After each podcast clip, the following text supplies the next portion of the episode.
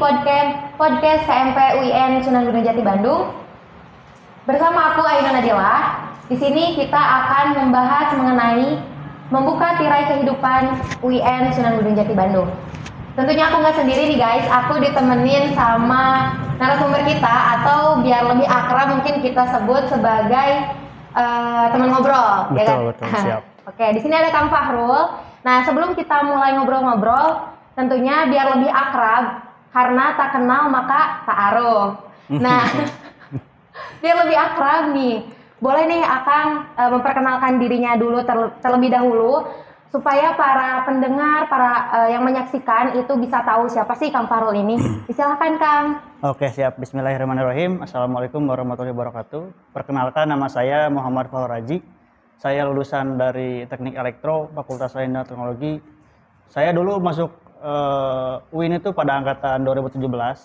Hari ini saya sudah apa? tidak memiliki status kemahasiswaan, namun saya merupakan fresh graduate dari jurusan uh, Teknik Elektro Uh, mungkin uh, segitu teh. Oh mantap. Biar Wah masya Allah sekali. Berarti Kang Farul ini adalah fresh graduate. Dan sebelumnya aku mau ngucapin selamat atas kelulusannya. Terima Congratulations.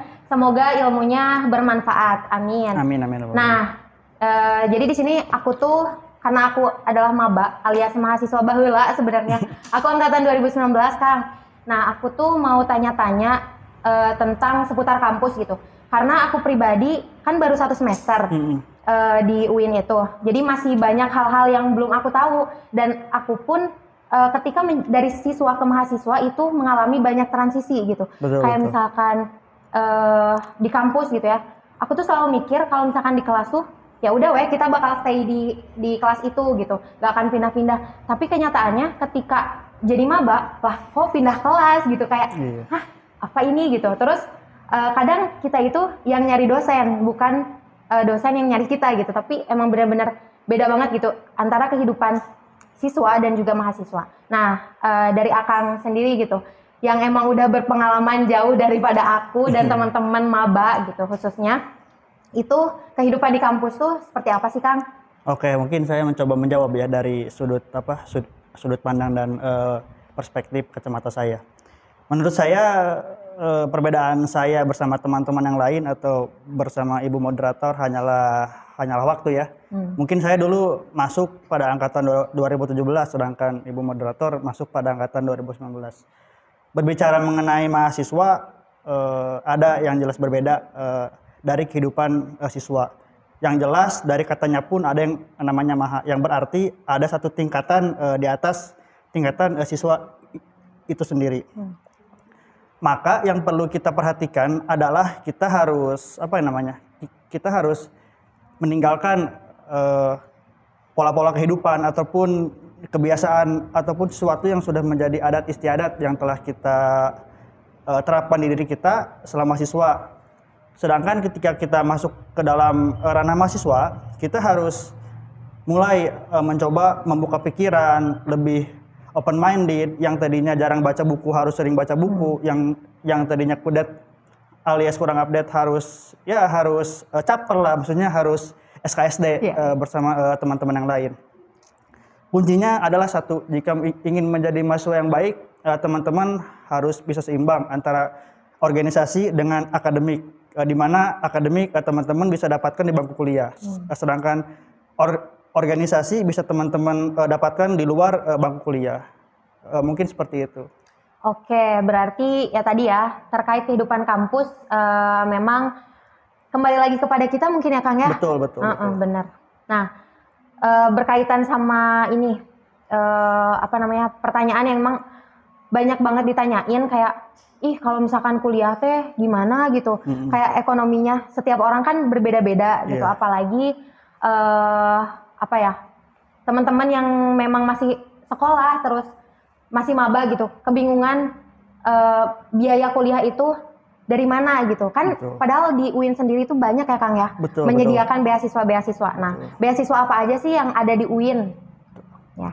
Setahu saya beasiswa di itu uh, cukup banyak ya. Hmm. apalagi ranahnya Kementerian Agama. Perlu kita ketahui bahwa Kementerian Agama ini memiliki peluang dana atau kucuran dana yang cukup besar Eh, dulu saya pernah mengikuti beasiswa eh, PPA atau peningkatan prestasi akademik. Eh, dulu saya alhamdulillah eh, apa namanya sudah eh, lolos eh, tiga kali berturut-turut sampai semester sampai semester 6, semester 7 sampai sama semester 8 saya tidak lolos akan tetapi di situ saya eh, melihat eh, banyak sekali eh, peluang untuk teman-teman mendapatkan dana untuk kuliah. Yang yang pertama beasiswa yang tadi beasiswa PPA tadi itu bisa kita dapatkan dengan syarat minimal IPK saja. IPK jangan kurang dari eh, tiga. Dengan kata lain, jika IPK eh, teman-teman lebih dari tiga dan IPK teman-teman yang yang terbaik eh, di antara teman-teman sekelas atau teman-teman seangkatan, otomatis teman-teman akan mendapatkan itu. Yang kedua ada beasiswa jarum. Beasiswa jarum ini biasanya dia lebih prioritas kepada mahasiswa ber- berprestasi, eh, namun memiliki sebuah apa ya? Memiliki sebuah mungkin ya? prestasi non akademik Hmm. seperti eh, futsal, seperti badminton atau prestasi apa namanya eh, olahraga lainnya lah. Hmm. Terus yang ketiga itu ada beasiswa Bank Indonesia atau bea- beasiswa BI. Biasanya ini eh, teman-teman yang lebih menjurus ke jurusan akunting lah Hmm. atau lebih ke manajemen. Lalu ada juga beasiswa yang lebih terfokus kepada hafalan tahfidz. Hmm. Biasanya dari PTKIN kita itu eh, sangat eh, sangat banyak gitu eh, beasiswa yang ya mi- eh, misalkan dari TT hafal minimal eh, 5 juz bisa langsung diklaim. Yang saya tahu kurang lebih eh, seperti itu sih. Oke.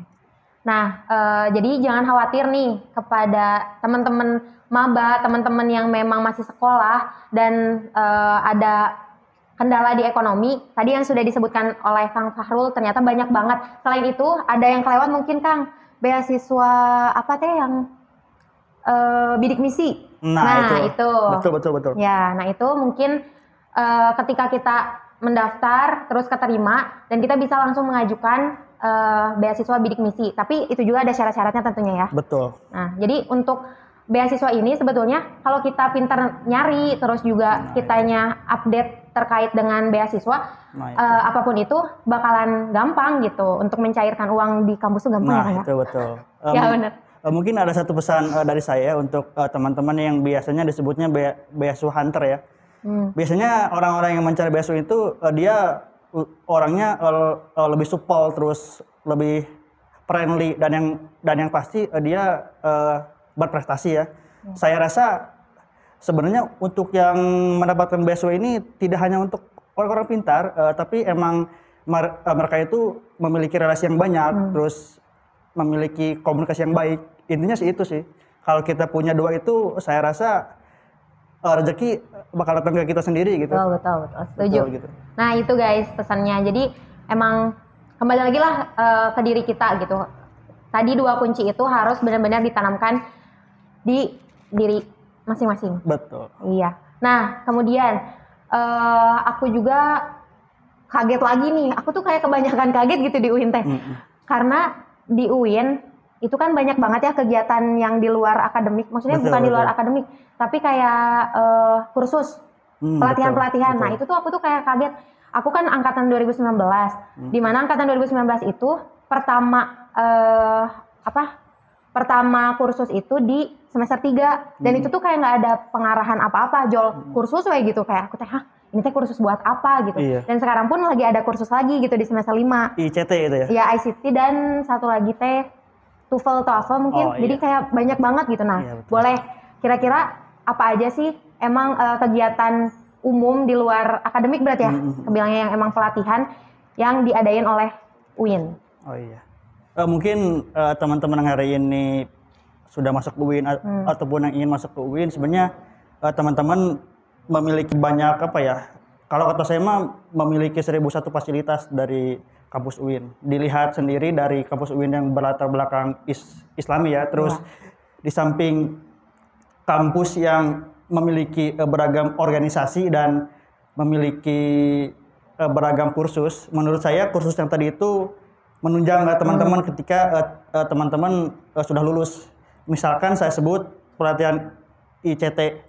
biasanya pelatihan ICT itu dia lebih mendalami terhadap skill kita dalam mengolah data, dalam uh, mengolah angka, yang nantinya kalau kata saya, insya Allah bakal sangat bermanfaat lah ketika teman-teman menyusun skripsi ataupun uh, tugas akhir. Uh, kemudian ada yang namanya kursus TOEFL sama TOEFL ya. Uh, jadi ada yang namanya apa tes untuk bahasa Arab, Iya. a- a- ada yang namanya tes untuk uh, bahasa Inggris. Iya. Mu- uh, Menurut saya kedua-keduanya itu uh, sangat baik gitu ya. Uh, jadi uh, teman-teman pas ketika lulus pun tidak minim ti- tidak minim sertifikat, akan tetapi memiliki uh, banyak sertifikat yang memang sudah apa namanya ya uh, sudah legal dan sudah dipercayai lah gitu. Iya. Oke, mungkin eh, tadi berarti ada empat ya? Eh, iya kan? Iya. Ada kursus eh, bahasa Inggris, Betul. kursus bahasa Arab, Betul. kursus TOEFL TOEFL, TOEFL, TOEFL sama, sama ICT. ICT. Oke, nah berarti itu teman-teman yang harus dipersiapkan. Nah, kemudian Akang kan fresh graduate, tentu Betul. tentunya ada tips dan trik gak sih buat teman-teman maba khususnya buat aku sendiri gitu ya. Eh, biar masuknya tuh cep eh masuknya tuh mudah, keluarnya pun dengan cepat dan tepat. Nah, itu ada tips and trik nggak kan? Dari dulu saya selalu menerapkan skala prioritas. Kan eh, teman-teman ya udah pasti tahu ya, eh, ada prioritas penting, sangat penting, Tidak penting. tidak penting dan sangat tidak penting. Nah, eh, teman-teman harus bisa menempatkan posisi posisi tersebut. Tidak bisa selalu organisasi organisasi itu penting dan tidak bisa eh, selalu akademik itu penting. Ya. Jadi teman-teman hari ini sudah harus mulai bisa memanage waktu, harus bisa memanage ilmu. Hmm. Intinya mah lebih ke manage apa? eh, lebih ke manage waktu sih. Bagaimana teman-teman bisa mem- membagi-bagi waktu. Ya in- intinya mah ya seperti itulah. Oke. Berarti intinya kalau untuk lulus eh ya tips lulus cepat itu kembali lagi. Ini mah kembali lagi ke kitanya ya, Kang ya? Dan dan saya ingin memperbaiki apa namanya mindset eh, teman-teman. Jangan memain eh, jangan men-setting di dalam otak kita ingin lu- lulus eh, tepat apa? Ingin Cepat. lulus eh, cepat eh, tapi lulus ter- eh, dengan wak- wak- eh, waktu yang tepat. Eh, jadi ketika eh, teman-teman hari ini ada yang lulusnya di semester 9, menurut saya itu eh, tidak masalah. Akan tetapi yang semester 9 itu harus ditunjang dengan program magang, harus ditunjang dengan eh, apa namanya? sertifikasi yang eh, legal gitu. Eh, jadi pas ketika lulus tidak hanya lulus cepat, akan tetapi kita ada apa namanya? ada sesuatu yang dapat kita jual. Ya. Seperti itu. Wah, masya Allah, ini banyak banget ya ilmu yang kita dapatkan di sini. Nah, eh, mungkin untuk part 1 cukup sekian dulu nih guys. Nanti kita ketemu lagi di part 2. Terima kasih Kang. Siap, sawang sulna.